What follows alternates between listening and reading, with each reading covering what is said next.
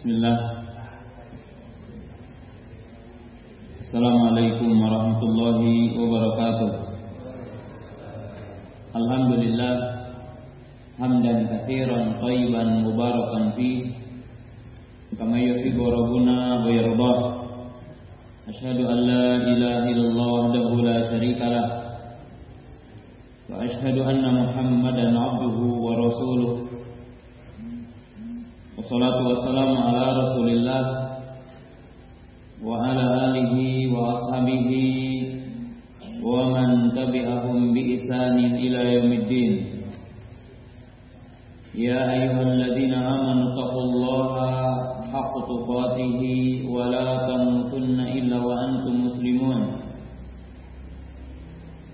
Ilam rahimakumullah fa inna khairal hadithi kitabullah وخير الهدي هدي محمد صلى الله عليه وسلم وشر الأمور محدثاتها وكل محدثة بدعة وكل بدعة ضلالة وكل ضلالة في النار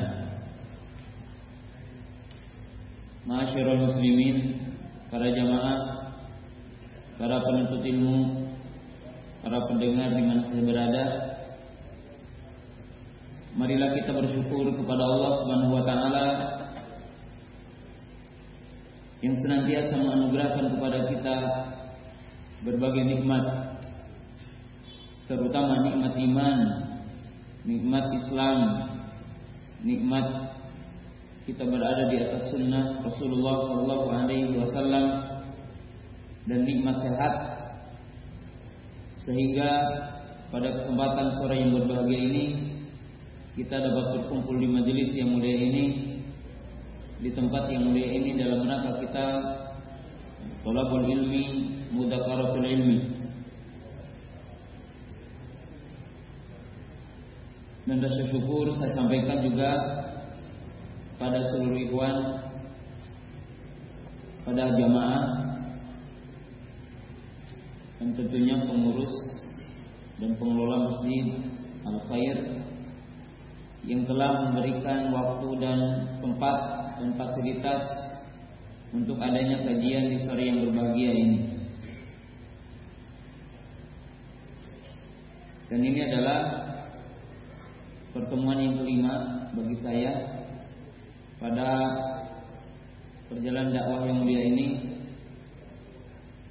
di bagian dari kota tentunya Madiun kemudian sempat ke Ponorogo dan sekarang ini di kota Magetan. Alhamdulillah saya bisa bersilaturahmi berkunjung dengan ikhwan-ikhwan di sini dan kaum muslimin di sini dan ini juga adalah bagian dari kebaikan. Pada kesempatan sore yang berbahagia ini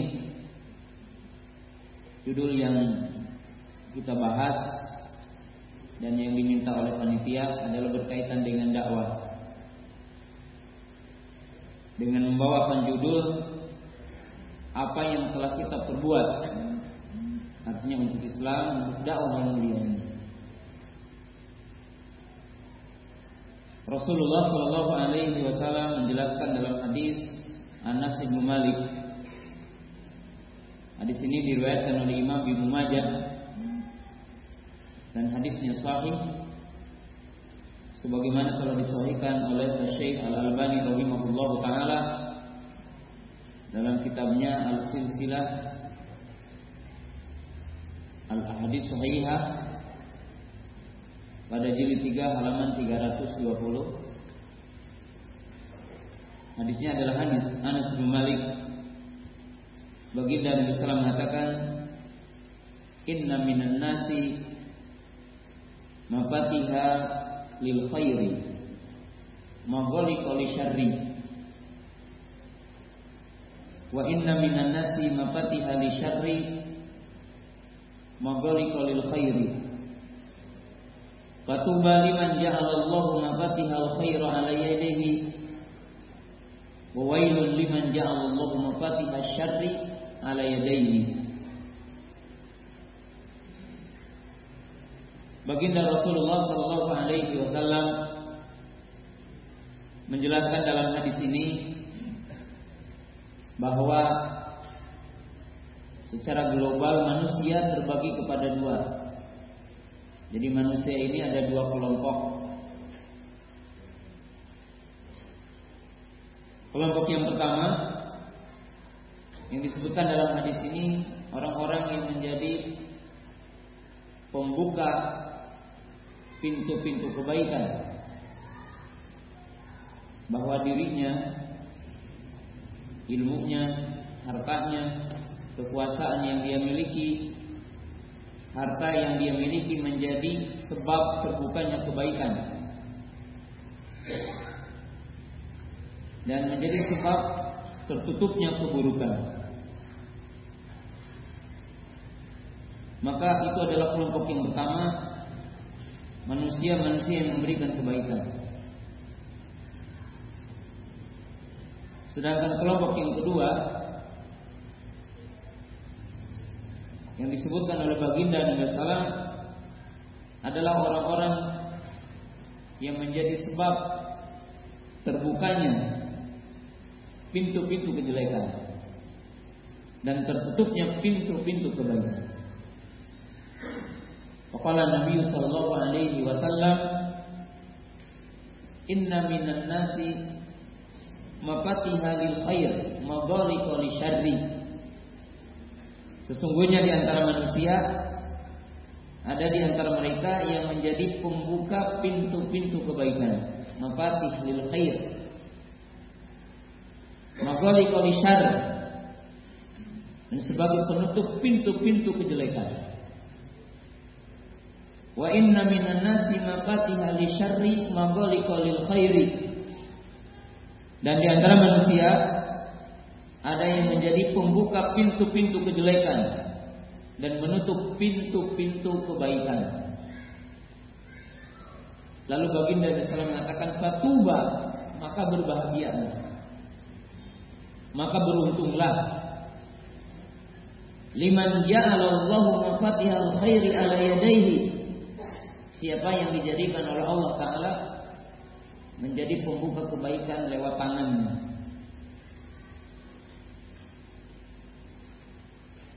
Wawailun dan celaka binasa bagi siapa saja yang dijadikan oleh Allah Taala sebagai pembuka pintu kejelekan lewat tangannya. kaum muslimin jamaah yang dirahmati Allah Subhanahu wa taala demikianlah Nabi sallallahu alaihi wasallam menjelaskan di dalam hadis yang mulia ini bahwa manusia terbagi kepada dua. Ada yang merupakan mafatihul khair maghaliqul syar. Itu sebagai pembuka pintu kebaikan. Sebagai orang-orang yang dibukakan oleh Allah Taala pintu kebaikan dan menjadi sebab kebaikan bagi yang lain. Dan di antara manusia yang dibukakan kepadanya pintu-pintu kejelekan dan dia menjadi penyebab yang lainnya terjerumus kepada kejelekan.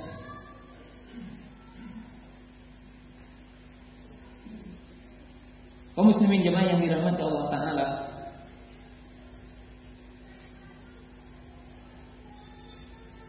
Di antara kebaikan yang dimaksud oleh Allah dan Rasulnya adalah ad-da'watu ilallah. Di antara pintu kebaikan dan di antara kebaikan yang disebutkan oleh Allah dan Rasulnya dan disebutkan di dalam Al-Quran adalah ad-da'watu ilallah adalah berdakwah kepada Allah Subhanahu wa taala. Pokok Allah taala kuntum khaira ummatin ukhrijat linnas. Ta'muruna bil ma'ruf wa tanhauna 'anil munkari wa tu'minuna billah.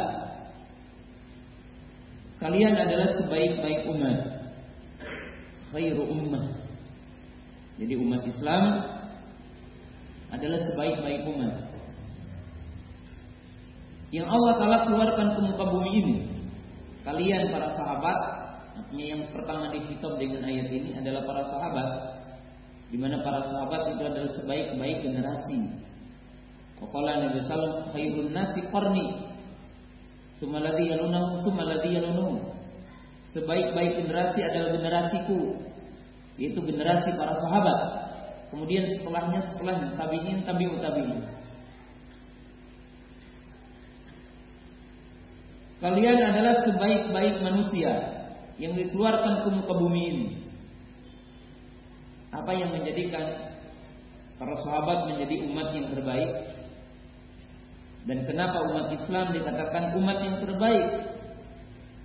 Karena hadihil ummah umat dakwah.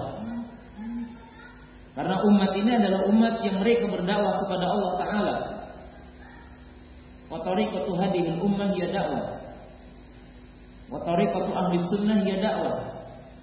Wa tariqatu al-firqati najiyah, at-taifah al-mansurah ya dakwah. Dan jalan umat Islam adalah dakwah. Dan jalan ahli sunnah jalan yang ditempuh oleh al-firqatun najiyah, at-taifah al-mansur adalah dakwah kepada Allah taala. Itu apa? Ta'muruna bil ma'ruf wa tanhauna 'anil munkari wa tu'minuna billah. Karena kalian mengajak manusia kepada yang ma'ruf, melarang manusia dari yang munkar dan beriman kepada Allah taala. Allah berfirman, "Qul hadhihi sabili adu ila Allah ala basiratin ana wa man ittaba'ani." Allah berfirman, "Katakanlah ini jalanku." Itu dalam surah Yusuf. "Qul hadhihi sabili, ini jalanku. Adu ila Allah." Aku menyeru kepada Allah ala basirah, ay ala hujjah, ala barahin, ala ilmu menyeru kepada Allah dengan ilmu, dengan hujah, dengan argumentasi. Aku dan orang-orang yang mengikutiku. Berkata para ulama, sebagaimana disebutkan oleh Imam Ibnu Taimiyah dan Imam Ibnu Qayyim dan yang lainnya, kita tidak dikatakan sebagai pengikut Nabi Sallallahu Alaihi Wasallam.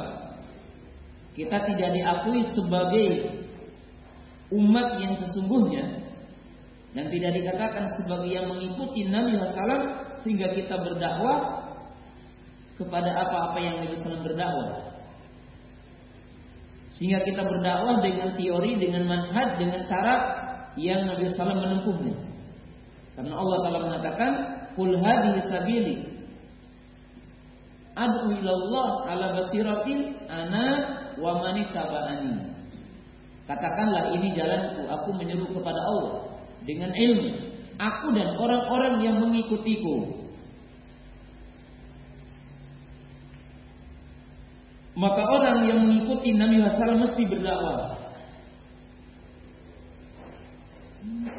Dan kebaikan umat ini adalah berkaitan dengan dakwah. Karena Allah Taala berfirman dalam ayat yang tadi, "Kuntum khaira ummatil ukhrijat linnas."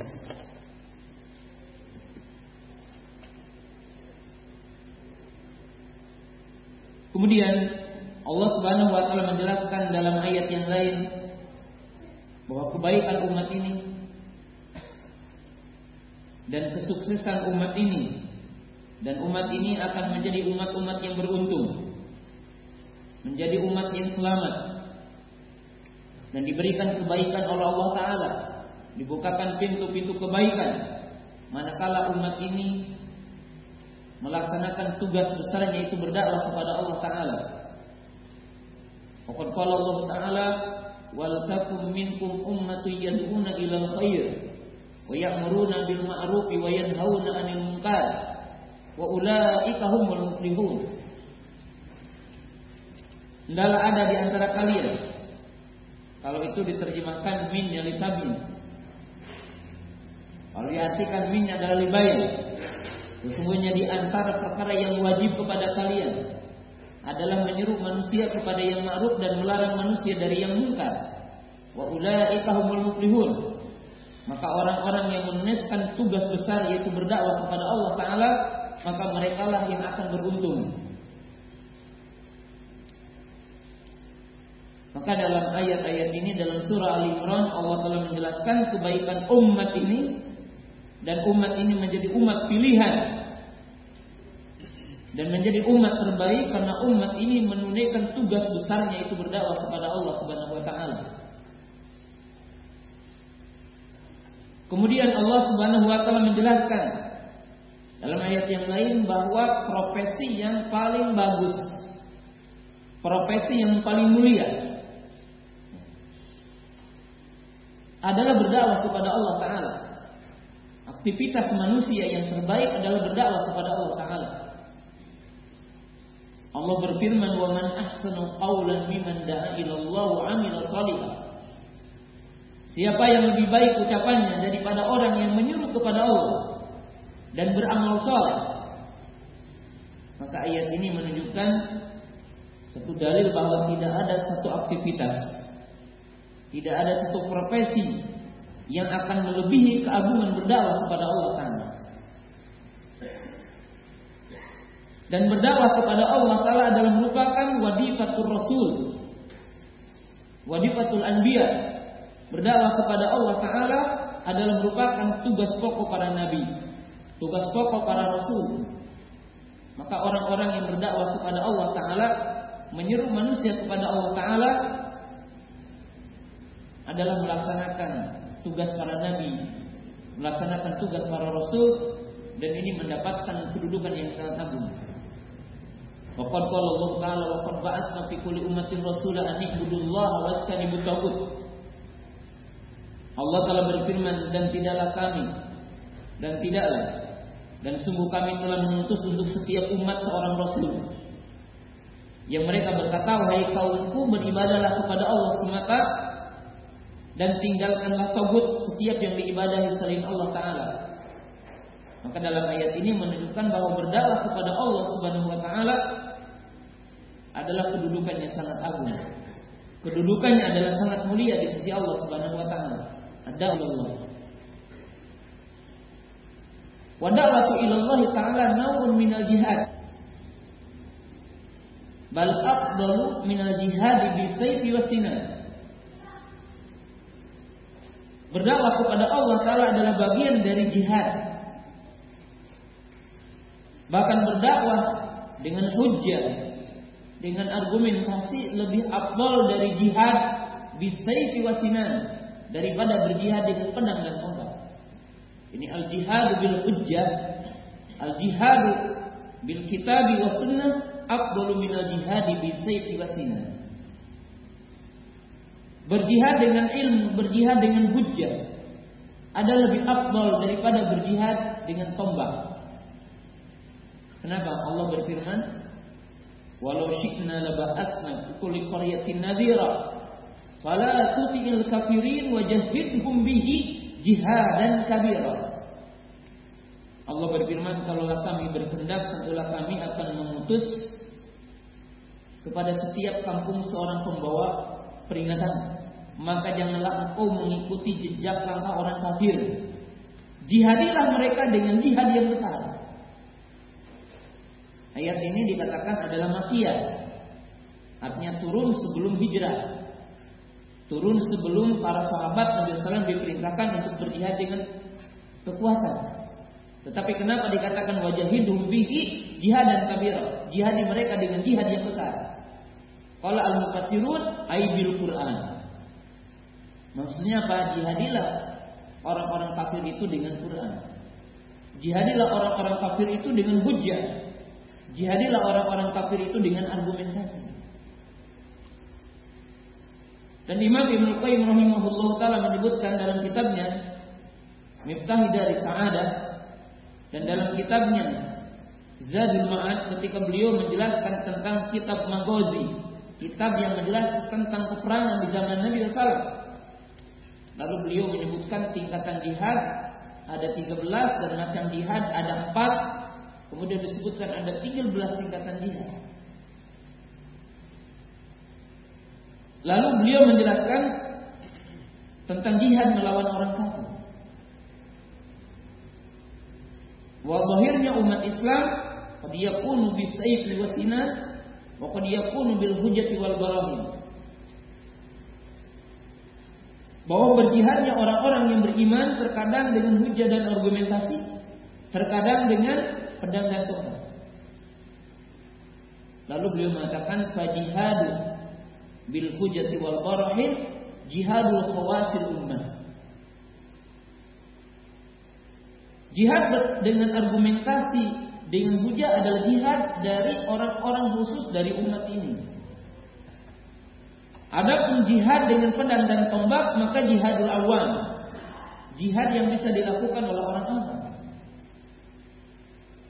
Karena jamaah yang dirahmati Allah Subhanahu wa taala wajib kita pahami dari penjelasan Imam Ibnu Qayyim dan ayat-ayat yang tadi itu. Bahwa ketika muncul kesesatan, muncul penyimpangan, muncul pemahaman-pemahaman yang menyimpang, maka orang-orang yang punya kemampuan berjihad menenteng senjata belum tentu bisa mengungkap penyimpangan. Sehingga tidak sedikit orang-orang yang punya giro berjihad, dia tidak tahu jihad yang sesungguhnya. Mereka tidak paham jihad yang sesungguhnya. Mungkin kita melihat apa yang dilakukan oleh sebagian orang yang menisbatkan dirinya kepada Islam, melakukan aksi teror dan sebagainya, dan mereka menamakannya jihad, padahal itu bukan jihad, fasad kerusakan. Seperti gerakan yang dinisbatkan kepada Daesh ataupun ISIS. Mereka menamakan jihad, padahal itu bukan jihad, tetapi fasad kerusakan. Dan siapa yang mengenali kesesatan umpamanya Abu Bakar al-Baghdadi yang mengklaim sebagai khalifah? Siapa yang mengetahui bahwa bayannya bayan yang batil, kepemimpinnya kepemimpinan yang batil, klaimannya itu adalah batil? Orang yang hanya bisa nenteng senjata tidak tahu itu menyimpang. Yang tahu menyimpang siapa? Ulama. Maka berjihad dengan hujah, berjihad dengan argumentasi adalah kawasa di ummah adalah orang-orang yang khusus dari umat ini. Ada penjihad yang teng senjata, kata orang yang awam, bahkan mungkin ahlu maksiat, tapi al jihad di wasina. Bahkan mungkin orang yang pelaku maksiat pun dia mampu melakukan jihad ini. Ada penjihad bil hujjati wal barahin khawas wadil ummah. Adapun berjihad dengan argumentasi, berjihad dengan ilmu, berjihad dengan hujah, maka adalah jihad yang khusus dari umat ini. Yaitu mereka adalah al-mujtahidun, al-ulama, mereka para ulama, para mujtahid. Jamaah yang dirahmati Allah Subhanahu wa taala. Pada waktu ilallahi nau'un minal jihad. Berdakwah kepada Allah adalah bagian dari jihad. dari qala Nabi sallallahu Jahidul musyrikin bi amwalikum wa anfusikum wa alsinatikum. Oleh sebab itu baginda Nabi SAW mengatakan jihadilah orang-orang musyrik dengan jiwa, harta kamu dan lisan kamu. Lisan artinya apa? Bil hujjah. Dengan argumentasi, bil bayan, bil barahin, bibayani kitabillah wa bayani sunnati Rasulillah wa bayani akli sahih yaitu dengan cara kita menjelaskan Al-Quran, menjelaskan Sunnah dan juga diperbolehkan kita berhujah dengan pendekatan akal yang lurus. Sebagaimana Al-Quran membimbing cara-cara akal sahih, akal-akal yang sehat ya, akal yang lurus berkaitan dengan hujah.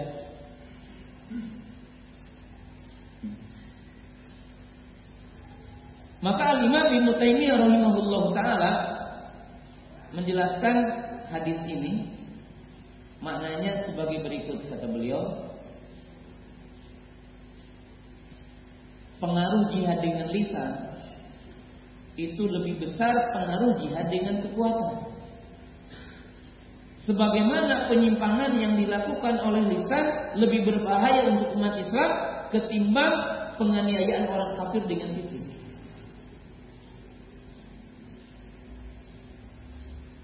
kita bisa membuktikan ketika orang muslim fisiknya itu dianiaya, maka orang awam pun tahu itu adalah penganiayaan.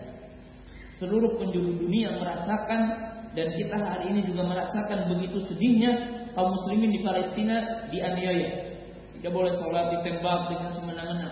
Semua muslim baik yang awam ataupun ulamanya, baik yang taat atau ahli maksiat mengetahui bagaimana kedoliman itu. Tapi ketika penyimpangan-penyimpangan yang dimunculkan oleh musuh Islam, kesesatan-kesesatan yang dikemas oleh musuh-musuh Islam di tengah umat Islam, maka tidak ada yang tahu kecuali ahlul ilmi. Jadi ketika penyimpangan itu dikemas di tengah-tengah umat Islam, maka mungkin dikemas dengan poin-poin yang baik. Maaf ya kalau saya menjelaskan hari ini dan ini wajib dipahami oleh kita semua, termasuk dipahami oleh pemerintah kita, dipahami oleh rakyatnya. Nama radikalisme radikalisme ini multi tafsir. Terkadang kata-kata radikalisme ketika dimunculkan kejadian-kejadian yang identik dengan radikalisme, lalu setiap orang memerangi radikalisme. Tetapi tafsirnya berbeda-beda. Maka setiap orang yang komitmen pada agama radikal. Ini perlu dipahami. Orang yang mengatakan halal haram oh ini radikal bang. Padahal kita mungkin tidak tahu di situ ada muatan-muatan yang dibuat oleh musuh-musuh Islam untuk menjauhkan umat Islam dari agamanya. Walaupun kita setuju tentang tidak bolehnya radikal, tidak bolehnya kekerasan. Tapi terkadang ada kalimat-kalimat yang dimunculkan oleh musuh Islam dan umat Islam harus cerdas itu.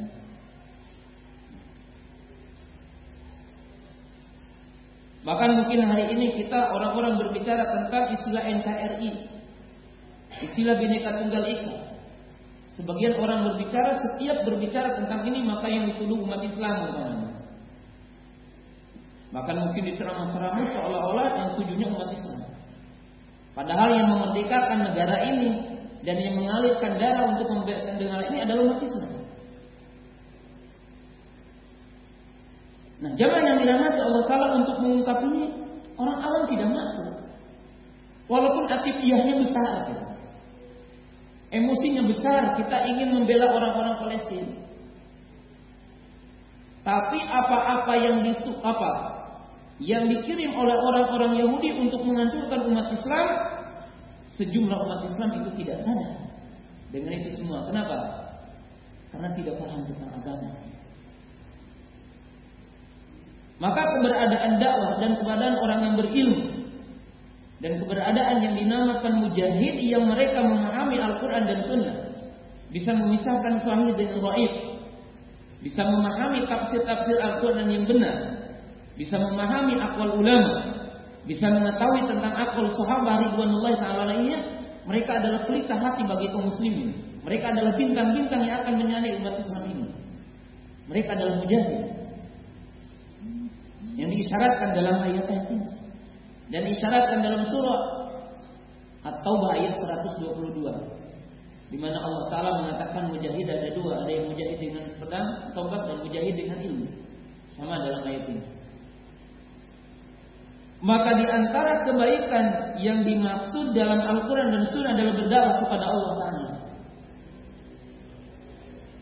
Sehingga baginda Nabi Sallallahu Alaihi Wasallam mengatakan, La an Allah bika rajulan wahidan khairun laka min humrina'an. Manzilah berdakwah kepada Allah Ta'ala adalah manzilah yang sangat agung, kedudukan yang sangat agung. Sehingga baginda SAW mengatakan Tidaklah Allah Ta'ala menunjukkan seseorang dengan sebab kamu Dengan sebab dakwahmu Dengan sebab ajakanmu Dengan sebab hujahmu Sehingga orang itu dapat petunjuk dengan sebabmu Maka akan lebih baik daripada orang yang berinfak bersodakoh dengan unta merah Hadis ini menjadi motivasi kepada setiap mukmin. untuk berdakwah kepada Allah Taala dan menjadi bagian dari dakwah yang mulia ini. Bahkan mungkin dalam hadis yang sangat populer Nabi SAW mengatakan, "Mandala ala hidayati wa fi riwayatin man sana sunnatan hasanah." Siapa yang menunjukkan kepada jalan yang lurus, siapa yang memulai dan memberi contoh kepada sunnah hasanah, maka baginya pahala dan pahala yang mengikutinya dengan tanpa akan mengurangi pahalanya. Ini kemuliaan berdakwah kepada Allah Subhanahu wa taala. Dan kebaikan dari umat ini termasuk kestabilan umat ini, ketentraman umat ini, kenyamanan umat ini, jauhnya dari adab, jauhnya dari musibah karena keberadaan juru-juru dakwah dan keberadaan orang-orang yang baik. Sehingga Allah telah berfirman, Wattaqu fitnatan la tusibanna alladziina zalamu minkum khassa. Faqalat Aisyah radhiyallahu ta'ala anha, "Anuhlika wa fina salihun, qala na'am in kathratil khubah." Allah berfirman dalam surah yang ke-8, itu surah Al-Anfal, "Wattaqu" Artinya takutlah kamu pada fitnah yang tidak hanya menimpa kepada orang-orang dolim secara khusus. Artinya fitnah ini akan menimpa kepada orang-orang yang soleh. Lalu Aisyah bertanya, apa mungkin kita akan diadab? Apa mungkin kita akan merasakan adab? Artinya orang-orang soleh. Sedangkan di antara kita ada orang-orang baiknya. Maka Nabi SAW mengatakan iya jika yang buruknya lebih banyak. Jika ahli maksiat yang lebih banyak. Maka keberadaan orang alim, keberadaan orang soleh, keberadaan juru-juru dakwah sebagai penyebab akan datangnya berkah dari Allah Ta'ala. Jauhnya dari azab Allah Ta'ala. Allah Ta'ala berfirman dalam surah Al-Anfal dalam ayat setelahnya.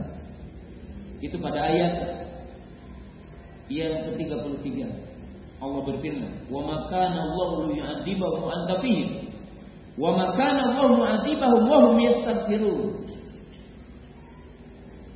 Allah berfirman, tidaklah Allah akan mengadab mereka sedangkan kamu berada di tengah mereka.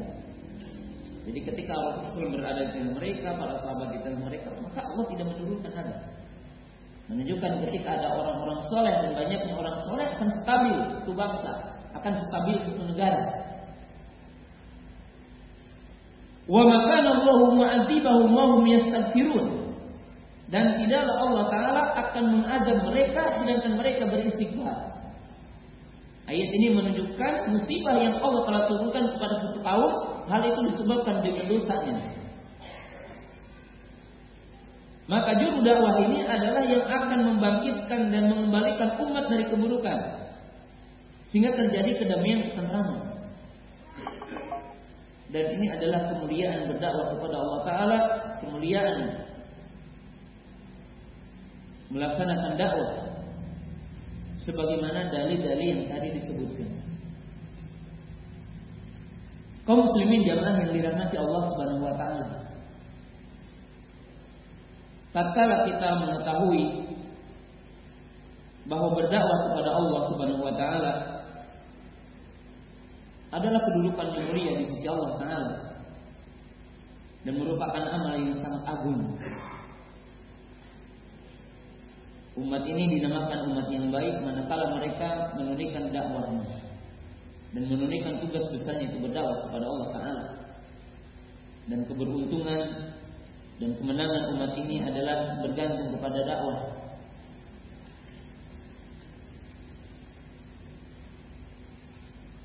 Kemudian saya ingin menjelaskan tentang poin-poin penting dalam berdakwah kepada Allah Bagaimana kita berdakwah kepada Allah? Dan bagaimana kita menjadi menjadi juru-juru dakwah yang sukses? Dan bagaimanakah kita menempuh sebab agar dakwah kita ini sukses? Maka jamaah yang dirahmati Allah Subhanahu wa taala ada sebab-sebab utama yang disebutkan oleh para ulama. Dan saya akan menyebutkan sebagiannya saja. Yang pertama adalah berdakwah dengan ilmu. Yang menunjukkan kaum muslimin jamaah yang dirahmati Allah Subhanahu wa taala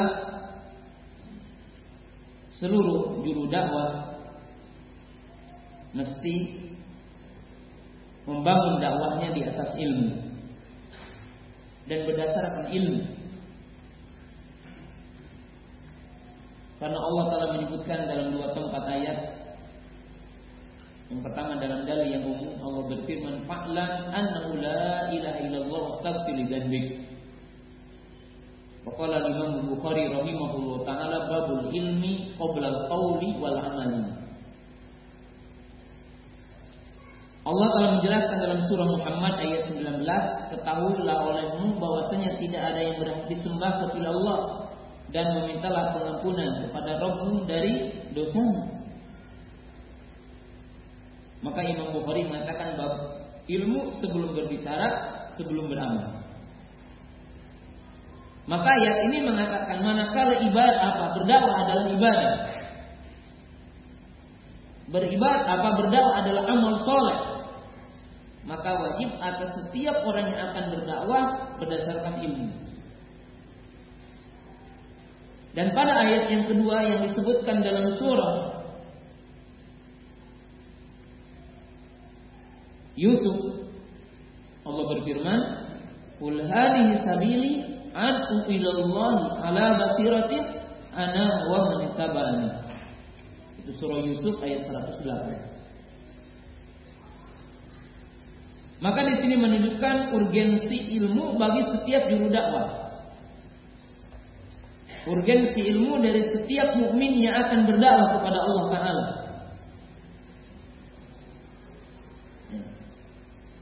Dan ilmu berkaitan dengan dakwah harus mencakup tiga unsur ilmu. Jadi setiap juru dakwah, setiap orang yang akan berdakwah mesti memiliki tiga unsur ilmu. Yang pertama adalah al ilmu bima atau al abasira bima Ilmu apa yang akan didakwahkannya. Jadi artinya orang yang akan berdakwah memahami Islam, memahami sunnah, memahami Quran dan sunnah, sebab dia akan mendakwahkan Islam. Sebab dakwah bukan dengan royunya, dakwah bukan dengan pendapat, tapi berdakwah maqala Allah wa maqala. Apa yang dia akan dakwakan, apa yang Allah firmankan, apa yang Rasul sabdakan, dan apa yang dikatakan oleh para sahabat. Ilmu. Yang kedua adalah al ilmu bihalil adalah ilmu tentang kondisi orang yang didakwahinya. Lianna da'i tabib sebab seorang juru dakwah seperti seorang dokter. Maka oleh sebab itu ketika Nabi Sallam mengutus Mu'ad maka mengasih tahu dulu orang yang akan didakwahinya. Ya Mu'ad, inna kasatati kauman ahla kitabin faliyakun awal mat'adu ilaihim syahadatu ala ilahi. Wahai Mu'ad, engkau akan mendatangi satu kelompok satu kaum dari ahli kita. Maka Nabi SAW mengasih tahu kondisinya, ya, bagaimana pemahamannya, bagaimana penyimpangannya, bagaimana mungkin argumentasi mereka dipelajari dulu. Ya.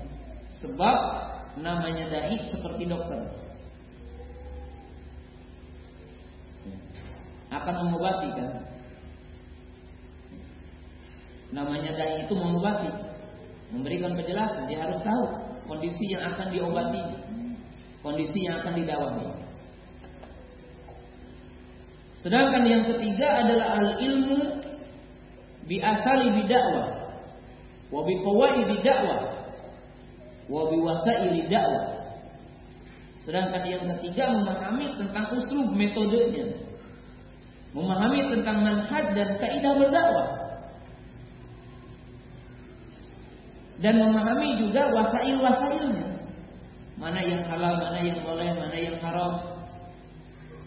Ya. Wasilah dalam berdakwah.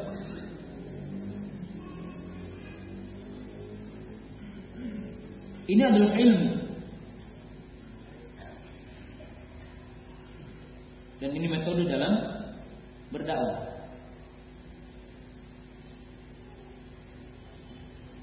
Ini yang pertama. Yang kedua adalah as-sabru memiliki kesabaran. Sebab orang yang berdakwah itu akan berhadapan dengan ujian. Dan jalan dakwah ini jalan yang jauh dan terjal. Sebagaimana Allah menjelaskan dalam surah At-Taubah, "Lau kana aradan qariban wa safaran qasidan lattaba'uka."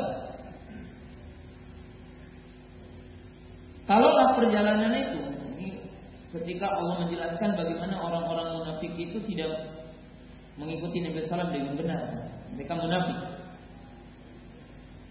Kalaulah kemenangan itu dekat dan pencapaian gonimah lebih dekat, maka mereka akan ikut untuk berjihad denganmu. Tapi berdakwah ini, berjihad ini panjang, maka sedikit yang mengikutimu. Bahkan di dalam hadis disebutkan untuk kita akhir zaman wa min waraikum ayam sabri kalau di ala zaman Nabi SAW mengatakan dan setelah masa kalian artinya setelah masa para sahabat Nabi SAW mengatakan akan ada hari-hari kata beliau di mana orang yang komitmen kepada kebenaran, orang yang komitmen kepada hak seperti orang yang memegang bara api. Jadi orang yang komitmen kepada hak, orang yang komitmen kepada sunnah, orang yang komitmen kepada Islam dengan benar, dia bagaikan orang yang memegang bara api. Menunjukkan tantangannya adalah besar. Bahkan telah ditakdirkan setiap orang yang memperjuangkan kebenaran di depannya telah ada musuh dan itu takdir kauni. Hak dengan batil itu akan bertentangan. Bahkan kalau mewanti-wanti dengan ayat yang jelas, Wa kadzalika ja'alna likulli nabiyyin aduwwan minal mujrimin. Wa kadzalika ja'alna likulli nabiyyin aduwwa syayatinal insi wal jinni. Dan demikianlah kami jadikan kepada setiap nabi musuh dari orang-orang yang durhaka. Dan demikianlah kami jadikan setiap nabi musuh dari syaitan berbentuk jin dan syaitan berbentuk manusia. Bahkan iblis laknatullah dengan bala tentaranya proklamir ya akan menghalanginya sebagaimana disebutkan dalam surah yang ketujuh yaitu surah Al-Arab ayat 16 dan seterusnya. Wabima aghwaytani la aqudan lahum siratal mustaqim tsumma la atiyanahum min bayni aydihim wa min khalfihim wa an aymanihim wa an syama'ilihim wa la tajidu aktsarahum syakirin. Dalam surah Al-Isra ayat 64 Allah berfirman, "Wastabjis man istata'ta minhum bisaltika." Allah menjelaskan dalam ayat ini bahwa iblis laknatullah berkata, dengan sebab engkau telah menjadikan kami aku sebagai manusia, apa sebagai makhluk yang durhaka, maka aku benar akan menghalangi orang-orang yang berjalan di jalan yang lurus Aku akan datang dari depan, aku akan datang dari belakang, aku akan datang dari kanan, aku datang dari kiri, sehingga hanya sedikit orang yang bersyukur. Dan pada surah Al-Isra dikatakan wastabjis manis satota minhum bisautika. Hasunglah atau sesatkanlah mereka dengan apa? Dengan suara-suara Artinya di sini bahwa syaitan, iblis, na'atullah dan para tentaranya akan menyebarkan fitnah syubhat, fitnah kesesatan. Dan mereka akan mengerahkan pejalan kaki pasukan berkuda dengan kekuatan untuk menghalangi orang beriman. Maka orang yang mendakwakan Islam mesti memiliki kesabaran dalam mendakwakan Islam ini. Dalam memperjuangkan Islam ini, sabru. Dan yang ketiga adalah asyajarah. Orang yang berdakwah itu harus memiliki keberanian tapi bukan nekat dan bukan sombong. Sejak karena Allah berfirman, "Kul hadhihi sabili." Inilah jalanku. Artinya orang yang berdakwah itu berani mengatakan hana ada, hana ada. Inilah jalanku. Inilah dakwahku. Inilah yang aku tempuh. Dan ini adalah juru-juru dakwah. Ha ana ini. Fasda bima tu'ma wa a'rif anil musyrikin. Dan ini adalah juru-juru dakwah yang berdakwah kepada Allah Subhanahu wa taala. Fasda bima tu'ma. Qul hadhihi sabil. La tazalu ta'ifatun min ummati dhahirina al-haq yuqatiluna al-haq qa'imatun ala amrillah. Dan ini adalah juru-juru dakwah, berani. Tapi berani bukan berarti nekat, bukan berarti sombong, tidak.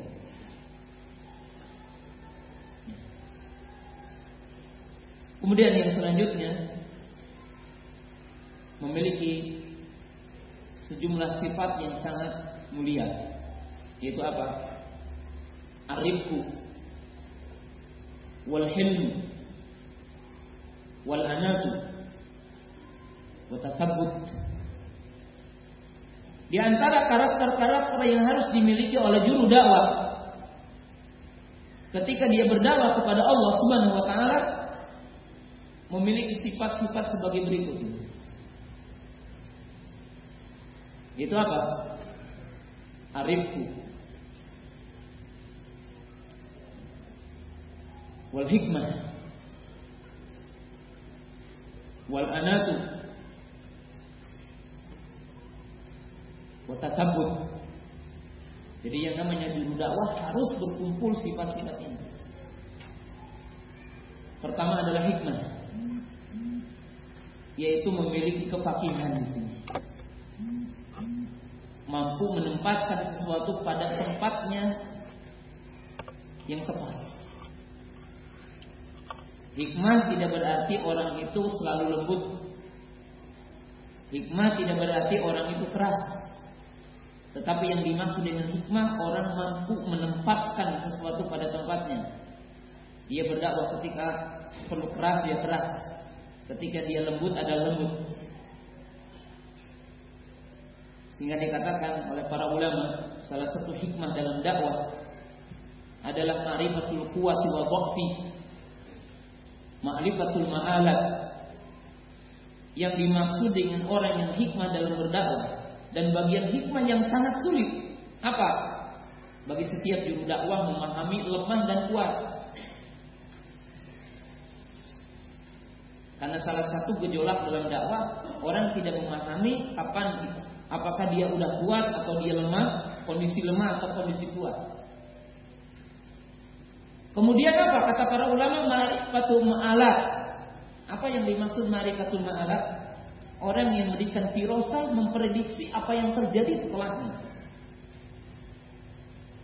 Ketika dia melakukan satu tindakan berkaitan dengan amal ma'ruf, menyuruh orang, berdakwah kepada orang, membetulkan orang, dia memprediksi apa yang akan terjadi setelahnya.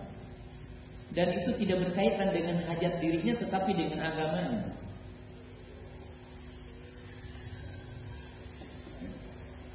Dan saya akan berikan contoh berkaitan dengan lemah lembut, kemudian sifat-sifat yang tadi dalam beberapa contoh yang disebutkan oleh Nabi Sallallahu Nah kita lihat bahwa Nabi Shallallahu Alaihi Wasallam ya ini contoh yang populer dan faidahnya banyak bahwa ketika Nabi Wasallam bersama sahabat berada di masjid tiba-tiba muncul Arab Badui kencing di masjid diperhatikan di sini Nabi Wasallam duduk dengan para sahabat tiba-tiba muncul Arab Badui kencing di masjid. Setiap di antara kita mesti mengakui dan tahu bahwa itu manusia dan dosa besar kencing di masjid. Fazajarahun nas maka sejumlah para sahabat menghardiknya seolah-olah mereka akan membunuhnya. Faqala Nabi sallallahu alaihi hatta yaqdi maulahu. Maka Nabi sallallahu mengatakan biarkan dia sehingga selesai kencingnya. Maka tatkala selesai kencingnya, Nabi SAW bersabda kepada para sahabat, siapkan air satu ember dan tuangkan ke tempat kencingnya. Lalu Nabi SAW berkata kepada dua belah pihak, kepada sikap para sahabat juga yang dianggap keliru, dan kepada Arab Badui itu, tapi dengan redaksi yang berbeda. Beliau berkata kepada para sahabat, Inna mabu'istum muyassirina lam asirin. Wahai para sahabatku, sesungguhnya engkau diutus dengan membawa kemudahan, tidak membawa kesulitan. Engkau diutus tidak membuat orang lari, tetapi membuat orang itu terpincur. Mestinya begitu. Lalu Nabi SAW berkata kepada para kepada Arab Badui itu, Ya bulan, Inna hadal masjidah la yasluhu fihi qadaratun wala najasatun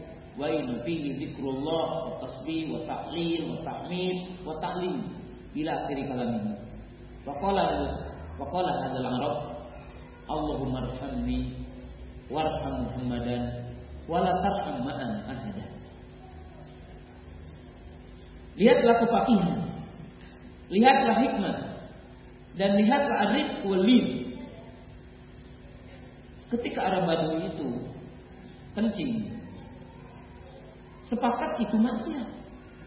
Satu sepakat. Kedua sepakat wajib diingkari. Tetapi di sini terjadi perbedaan kepakihan bagaimana mengingkarinya. Bagaimana usulnya? Maka di sini terjadi perbedaan antara para sahabat waktu itu yang menjadi pelajaran bagi kita.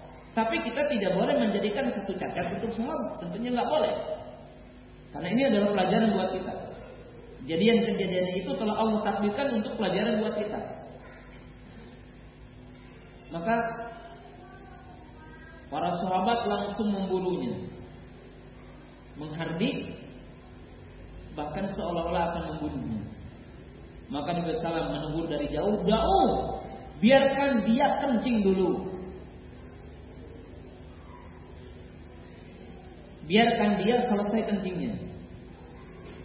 Lalu Nabi Sallam menyuruh para sahabat ambilkan satu ember air, tuangkan ke tempat kencingnya. Maka setelah itu Nabi Sallam berkata kepada para sahabat, wahai para sahabatku, Sesungguhnya kalian disuruh berdakwah bukan seperti ini. Tapi kalian berdakwah dengan memberi kemudahan. Tidak membuat orang sulit. Maksudnya apa? Kita lihat, ini maksiat. Tapi Nabi SAW ketika akan mengingkari kemaksiatan itu, ketika akan mengingkari kemungkaran itu, dia beliau SAW melihat ke depan apa yang akan terjadi. Dia melihat dua kebaikan dan beberapa kebaikan. Kenapa tidak dilakukan pengingkaran di saat sedang kencingnya? Di sini Nabi SAW melihat masoli dan mafasid. Dari sisi masolinya, maslahat maksudnya, bahwa orang yang sedang kencing dibiarkan kencing dulu itu maslahat. Maslahat bagi orang itu maslahat bagi yang mengingkari. Maslahat bagi orang yang sedang kencing akan tetap sehat karena tidak diberhentikan orang sedang kencing. Karena apabila orang sedang kencing diberhentikan dengan tiba-tiba, maka sepakat kedokteran itu bisa jadi masalah. Kemudian apa? Mungkin kencingnya ke mana-mana karena kaget. Ya. Tidak dalam satu tempat. Kencingnya akan kena badannya, kencingnya akan kena kain. Madorot bagi dia. Dan juga sebenarnya madorot bagi para sahabat yang mengingkari. Kenapa? Karena manakala kencingnya ke mana-mana membutuhkan air yang banyak untuk menuangkan air. Maka agar airnya sedikit yang dicari, maka dibiarkan dulu sehingga selesai kencingnya. Nah ini orang hikmah karena melihat masalah.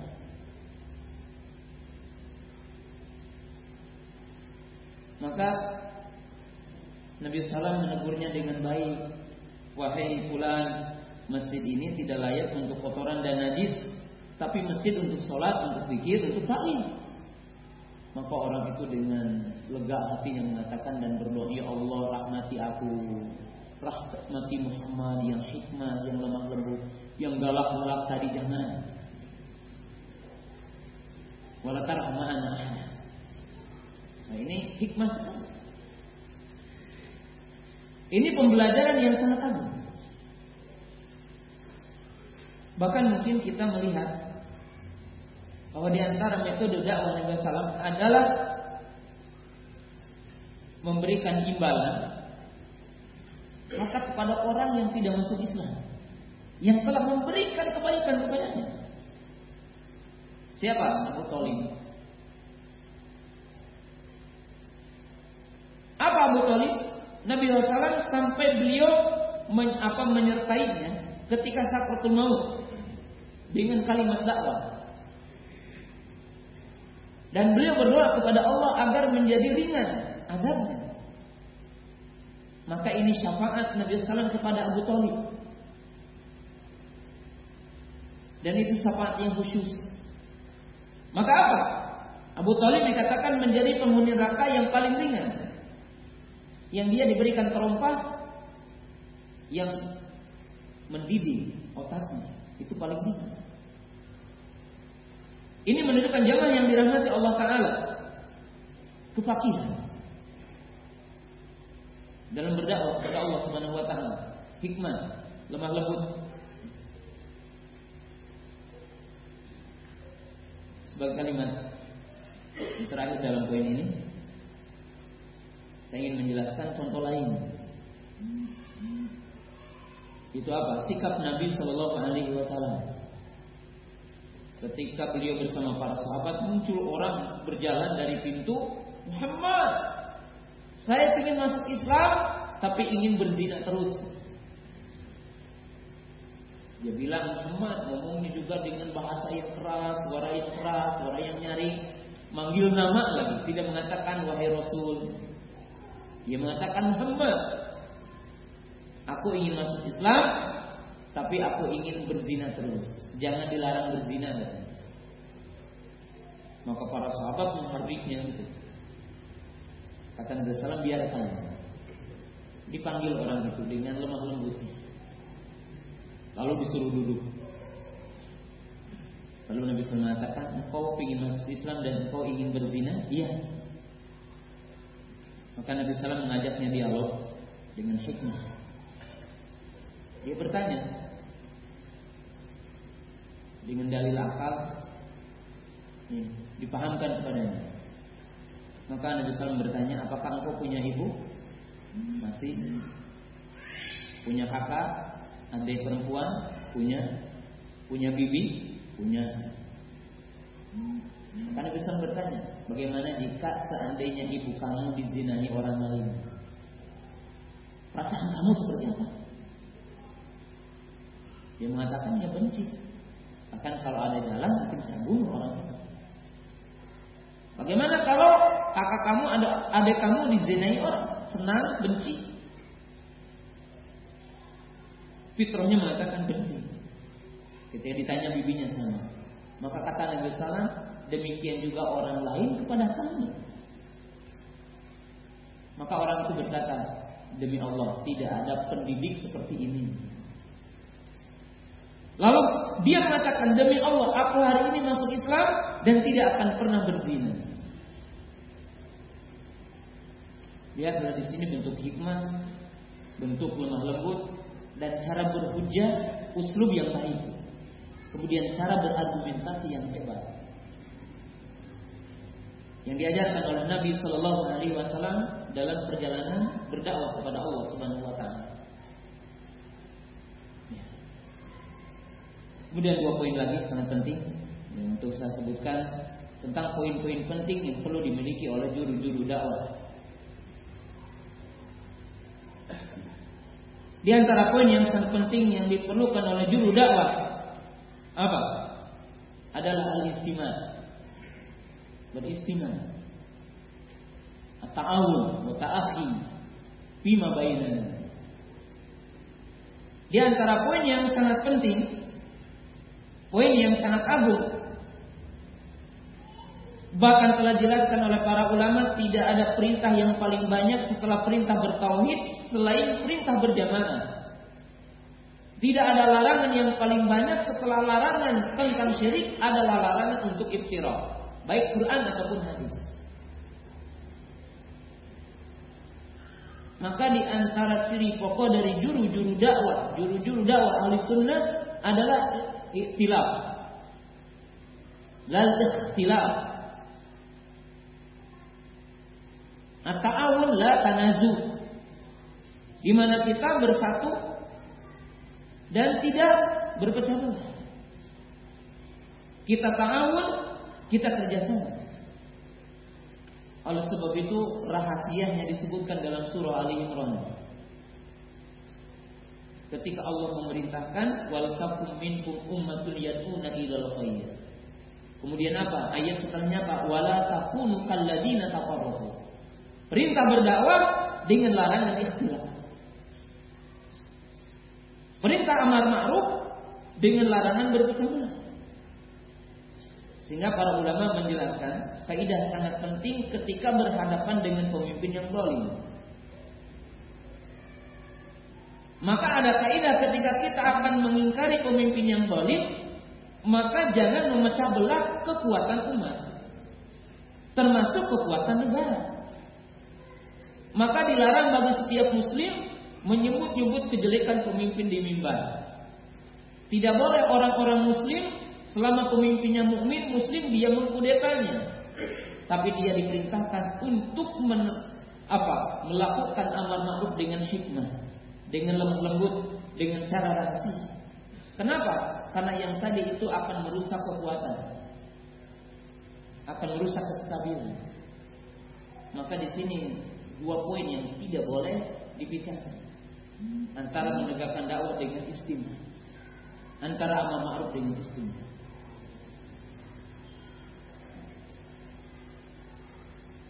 Dan begitu banyak dalil dalam Quran dan Sunnah. Dan apa yang menjadi sifat karakter para ulama kita terdahulu. Kita mungkin banyak contoh dari binatang. Saya dulu banyak ya ketika masih SMP atau ketika sanawiyah itu belajar kitab Mutolak Bahrul Adab.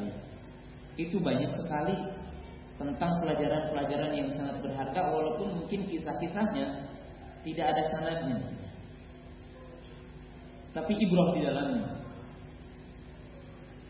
Saya akan memberikan beberapa kisahnya. Salah satu kisah itu ada judulnya Al-Kadibu La yusaduqu wa Orang yang biasa dusta itu tidak akan dibenarkan walaupun dia suatu ketika benar. Maka diceritakan di situ ada pengembala kambing yang dia menipu masyarakat sekitar. Itu kali dia mengatakan serigala, serigala. Orang udah berkumpul, ternyata serigalanya tidak ada, ketipu banyaknya. Kedua kali juga sama. Pas ketiga kalinya betul-betul ada serigala. Lalu dia menjerit dan menyuruh orang serigala, serigala. Masyarakat sudah tahu oh dia manusia. Maka dikatakan orang yang dusta tidak akan dibenarkan kalaupun dia dusta. Ini ada ibroh. Kemudian ibroh yang kedua ada satu contoh yaitu sejumlah burung disebutkan di situ burung gagak dengan tukang penanam apa gerak itu paku jari. Kemudian diletakkan umpan, yaitu apa? Bangkai. Maka gagak-gagak itu apa? Berkumpul di situ, lalu terkena jaring. Ketika jaring itu jatuh, spontan seluruh burung itu terbang semuanya. Berkali-kali mereka tidak mampu untuk keluar dari jaring itu. Maka berkatalah salah seorang gagak yang cerdas katanya.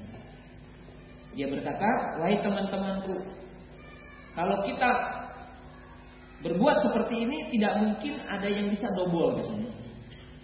Sekarang mari kita semuanya bersama-sama menuju satu titik. Maka seluruh gagap itu sepakat dan dengan satu gerakan ke satu titik, maka dobolah itu. Itu menunjukkan apa? Bahwa ketika orang bekerja sendiri berbeda dengan ketika bekerja istimewa.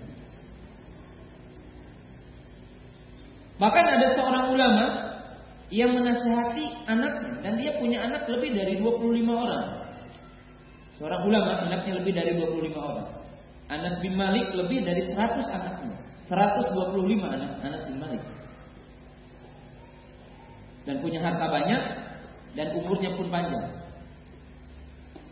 Maka suatu ketika dia mengumpulkan 20 anak panah di depan seluruh anak. Lalu dia pegang satu persatu, dipatahin, patah, dua patah. Lalu si ulama itu dikumpulkanlah sejumlah anak panah. Lalu dia mau mematahkan dia tidak bisa. Maka dia berkata, wahai anak-anakku, selama kalian berjamaah dalam kebaikan maka tidak ada orang yang bisa mengalahkannya.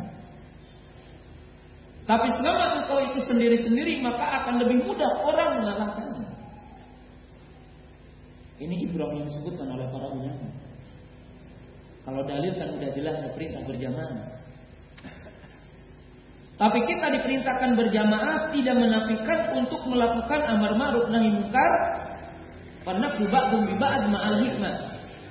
Tetapi tatkala kita diperintahkan berjamaah, diperintahkan bersatu tidak menafikan artinya tidak menghalangi setiap di antara kita untuk menegakkan amar ma'ruf dan untuk saling mengkritik satu dengan yang lainnya. Bahkan untuk saling menyalahkan satu dengan yang lainnya. Tapi dengan hujah dan dengan hikmah. Karena tidak ada yang maksud. Bagaimana tidak ya para ulama itu dialog dan Imam itu Syafi'i dengan Imam Ahmad itu berdebat tentang banyak masalah. Yang kita lihat ya, contoh Imam Ahmad dengan Imam Syafi'i berbeda pendapat Banyak hal. Salah satunya tentang hukum yang meninggalkan sholat. Kata Imam Syafi'i yang meninggalkan sholat selama dia mengatakan wajib dan mengimani wajibnya maka tidak kafir. Kata Imam Ahmad kafir. Kalau dia tidak sholat lima waktu, walaupun dia mengaku muslim, kafir kata Imam. Sampai akhir hayat ini berbeda pendapatnya. Dan ini dalam masalah besar. Tapi tidak lepas dari pujian di antara keduanya. Imam Syafi'i mengatakan, "Ya Aba Abdullah, ini a'lamu annaka a'rafu minni hadis. Wa idza sabata hadis fa'allimuni fa inni adhabu ilaihi." Atau kama qala Imam Syafi'i rahimahullah Imam Syafi'i berkata, "Wahai Imam Ahmad, wahai Abu Abdullah, aku tahu engkau lebih tahu dari aku tentang hadis." Kalau ada hadis sahih, maka sampaikan kepadaku, maka aku akan berkata dengan hadis. Ini muji guru kepada muridnya. Lalu Imam Ahmad memuji-muji Imam Syafi'i. Ya. Beliau mengatakan, kalaulah aku tidak ketemu dengan Imam Syafi'i, maka aku tidak akan paham tentang hadis-hadis Nabi. Ketika Imam Ahmad memuji Imam Syafi'i, tiba-tiba ada orang berdiri di antara majelis itu. Seraya mengkritik Imam Ahmad. Wahai Imam Ahmad, kamu hanya memuji katanya Imam Syafi'i. Padahal kemarin saya mendengar orang-orang yang menggunjing Imam Syafi'i. Maka apa kata Imam Ahmad rahimahullah taala? Sesungguhnya di antara musibah yang menimpa kepada orang yang berilmu adalah hasad dengan temannya. Yang manakala dia melihat temannya mendapatkan kedudukan maka terjadi hasad dalam hatinya dan itu adalah penyakit yang paling berbahaya yang menimpa kepada orang berilmu. Karena hasad di antara pedagang lebih rendah ketimbang hasad di antara orang berilmu. Bahayanya. Nah, yang dirahmati Allah Taala ini indahnya. Para ulama berbeda. Bahkan jamaah yang dirahmati Allah Taala dikisahkan di antara para ulama berdebat guru dengan muridnya maka disebutkan dengan Imam Yunus dengan Imam Syafi'i rahimahullah taala berdebat. Satu ketika keduanya berdebat. Sampai kedua ulama itu mengatakan, aku merasa puas dengan dalil-dalilnya. Yang satu juga mengatakan, aku merasa puas dengan dalil-dalilnya. Itu ulama terdahulu. Jadi ketika berdialog satu dengan yang lainnya, dia mengatakan bahwa pendapatku ini salah dan lemah dalilnya dan aku merasa puas dengan pendapatnya. Dan ini adalah sikap para ulama terdahulu. Kemudian jemaah yang dirahmati Allah Subhanahu wa taala, poin yang sangat penting untuk disampaikan pada poin terakhir tentang ya, poin penting yang perlu dimiliki oleh juru-juru dakwah adalah rohabatus sadar di masa khilaf. Di antara poin yang sangat penting bagi para juru dakwah adalah bersikap lapang dada di dalam masalah khilaf istihadiyah.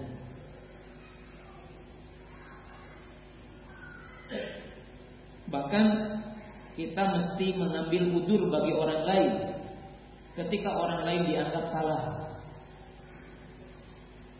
Tapi bukan udur kepada kesalahannya. Maaf ya. Nah, harus dipahami dengan benar. Bukan udur kepada jenis salahnya, tapi memberikan udur kepada orang yang beristihad salah.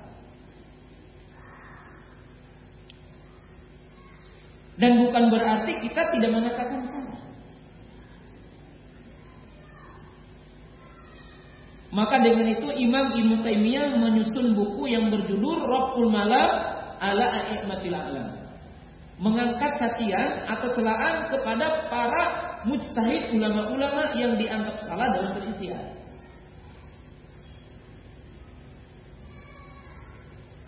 Kenapa? Karena kalau ulama itu mustahid, kalau ulama itu ahli sunnah, landasannya sama. Di mana mereka mengagungkan dalil, mereka memuliakan argumentasi yaitu Quran dan Sunnah, mereka sepakat rujuk kepada Al-Quran dan Sunnah, tetapi terkadang terjadi kekeliruan dalam pencapaiannya. Ima dia menganggap hadis itu sahih, ternyata bohong. Ima dia mungkin tidak sampai hadis nasinya kepada hadis yang dimansuh ini. Maka di sini kita mengambil udur untuk mereka. Dan ini dilakukan oleh para ulama.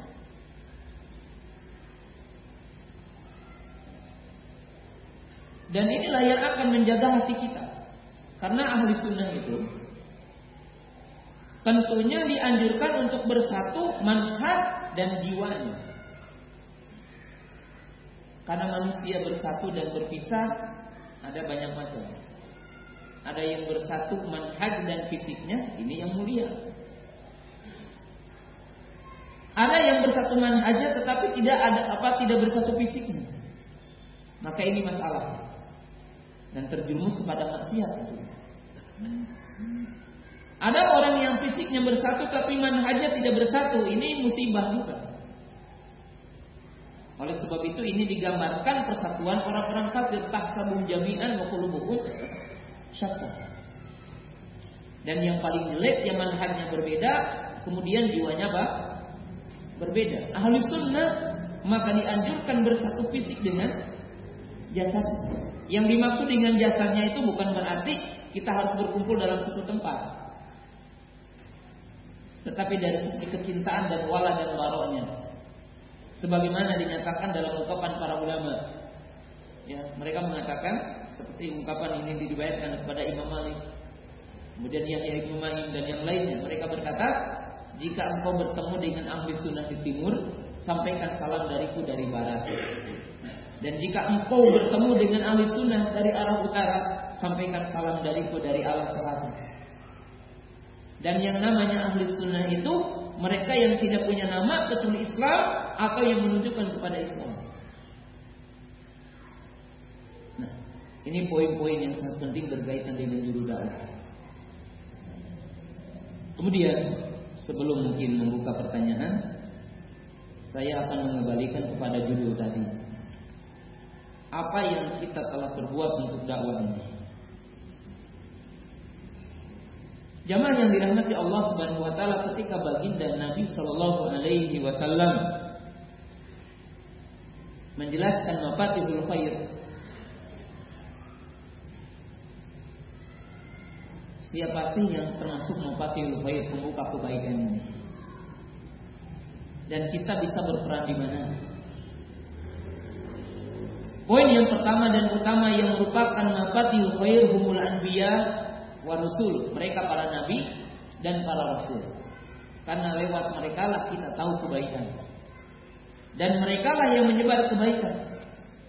Dan mereka lah yang mendakwahkan kebaikan. Mereka adalah poin yang pertama. Setelah itu siapa? As-sahabatu ridwanullahi ta'ala Mereka adalah para sahabat. Karena agama ini lewat para sahabat. Islam ini sampai kita adalah lewat para sahabat. Ya. Mereka adalah sumber kebaikan. Lewat mereka kebaikan. Yang ketiga siapa? Al ulama. Utulabul ilmi. Para ulama dan para pencari ilmu. Seandainya tidak ada orang-orang alim, seandainya tidak ada tolabul ilmi, maka kita tidak akan paham agama ini. Kita tidak akan tahu apa itu mana la ilaha illallah, apa syaratnya, apa rukunnya, bagaimana sholat yang benar, bagaimana wudhu yang benar, bagaimana ibadah haji yang benar adalah lewat para ulama. Maka mereka adalah termasuk mafatihul khair, orang-orang yang dibukakan bagi mereka kebaikan dan mereka menjadi sebab utama adanya kebaikan ini. Maka oleh sebab itu para jamaah yang dirahmati Allah Taala wajib dipahami oleh kita umat ini akan ada dalam kebaikan selama umat ini menghormati ulamanya menghormati orang alimnya. Kita lihat Imam Abu Hanifah rahimahullah taala beliau ulama tapi menghormati orang-orang yang mengajarkan ilmu. Ketika anaknya diajari surah Al-Fatihah dan tamat bacaan surah Al-Fatihah, dia memberikan hadiah kepada yang mengajari anaknya surah Al-Fatihah 100 unta. Ini penghargaan yang sangat besar. Kalau antum sekolah ingin gratis, bukan sekolah gratis tidak boleh. Tapi menunjukkan bahwa kita itu tidak merupakan bagian dari kebaikan itu. Bagaimana para ulama terdahulu menghormati ilmu dan menghormati ulama karena dia adalah mafatul khair. Lalu siapa lagi Mufati Muhir? Dulaibi adalah orang-orang yang memiliki kekuasaan. Seorang presiden, seorang gubernur, seorang bupati, seorang camat, seorang kepala desa, mungkin seorang RW ataupun RT yang manakala dia diberikan kekuasaan, dia menjadi pembuka kebaikan. Ketika dia berpuasa, dia menegakkan hukum Allah. Dia memberikan fasilitas untuk kebaikan-kebaikan. Punya jasa bagaimana mungkin antipasi narkoba, bagaimana penyimpangan-penyimpangan. Dia menjadi orang pertama. Maka dia mufatilul khair. Kalau seseorang diberikan kekuasaan menjadi panglima TNI bukan? Atau dia menjadi seorang penguasa, apa saja kekuasaan yang dia miliki. Bahkan dia dia berkuasa dalam sebuah perusahaan perusahaannya dimanage dengan baik dengan syar'i, dia mafatuhul khair. Semua pekerjaannya bisa sholat dalam waktunya. Semua pekerjaannya adalah memahami tentang hukum-hukum yang benar. Insya Allah, mafatihul khair. Siapa lagi yang termasuk mafatihul khair yang merupakan bagian dari dakwah ini? Ahlul mal, orang yang memiliki harta. yang dengan hartanya ini terbuka kebaikan, bikin masjid, bikin sekolah, memberangkatkan ustadz untuk berdakwah ke pelosok, memberikan tiket, memberikan alat-alat untuk berdakwah, ya, mendanai televisi, mendanai radio, alat-alat.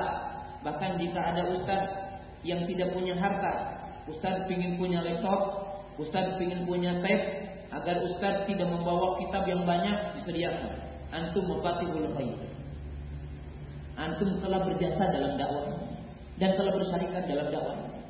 Islam itu bukan omong-omong. Islam itu bukan hanya kata-kata. Islam adalah amal. Apa yang antum telah berikan untuk dakwah? Apa yang telah perbuat antum untuk Islam? Orang yang punya harta. Orang yang memiliki harta Orang yang memiliki mal, dia berkewajiban untuk berjihad dengan harta. Sebagaimana dalam hadis yang tadi, itu hadis Anas bin Malik radhiyallahu taala Setelah mereka siapa? Setelah orang yang punya harta. Yaitu orang-orang yang punya keahlian. Seperti ahli IT Dan lain-lainnya yang merupakan bagian dakwah ini. Radio ingin bagus mesti ada ahli IT. Televisi akan bagus IT-nya. Kemudian bagaimana ceramah ini bisa ya mungkin ya artinya bisa disimpan dan sebagainya mesti ada ahli. Yang mengatur semua itu. Setiap orang yang mengulurkan tangan dengan apa yang dia miliki, maka dia akan dapatkan kebaikan ini. Dan dia akan mendapatkan pahala dari Allah Taala. Jika timbul pertanyaan untuk bertanya, saya bukan nabi jelas, bukan ulama, bukan tolakul ilmi, bukan penguasa, bukan orang yang berharta, tidak punya ahli. Saya orang muslim.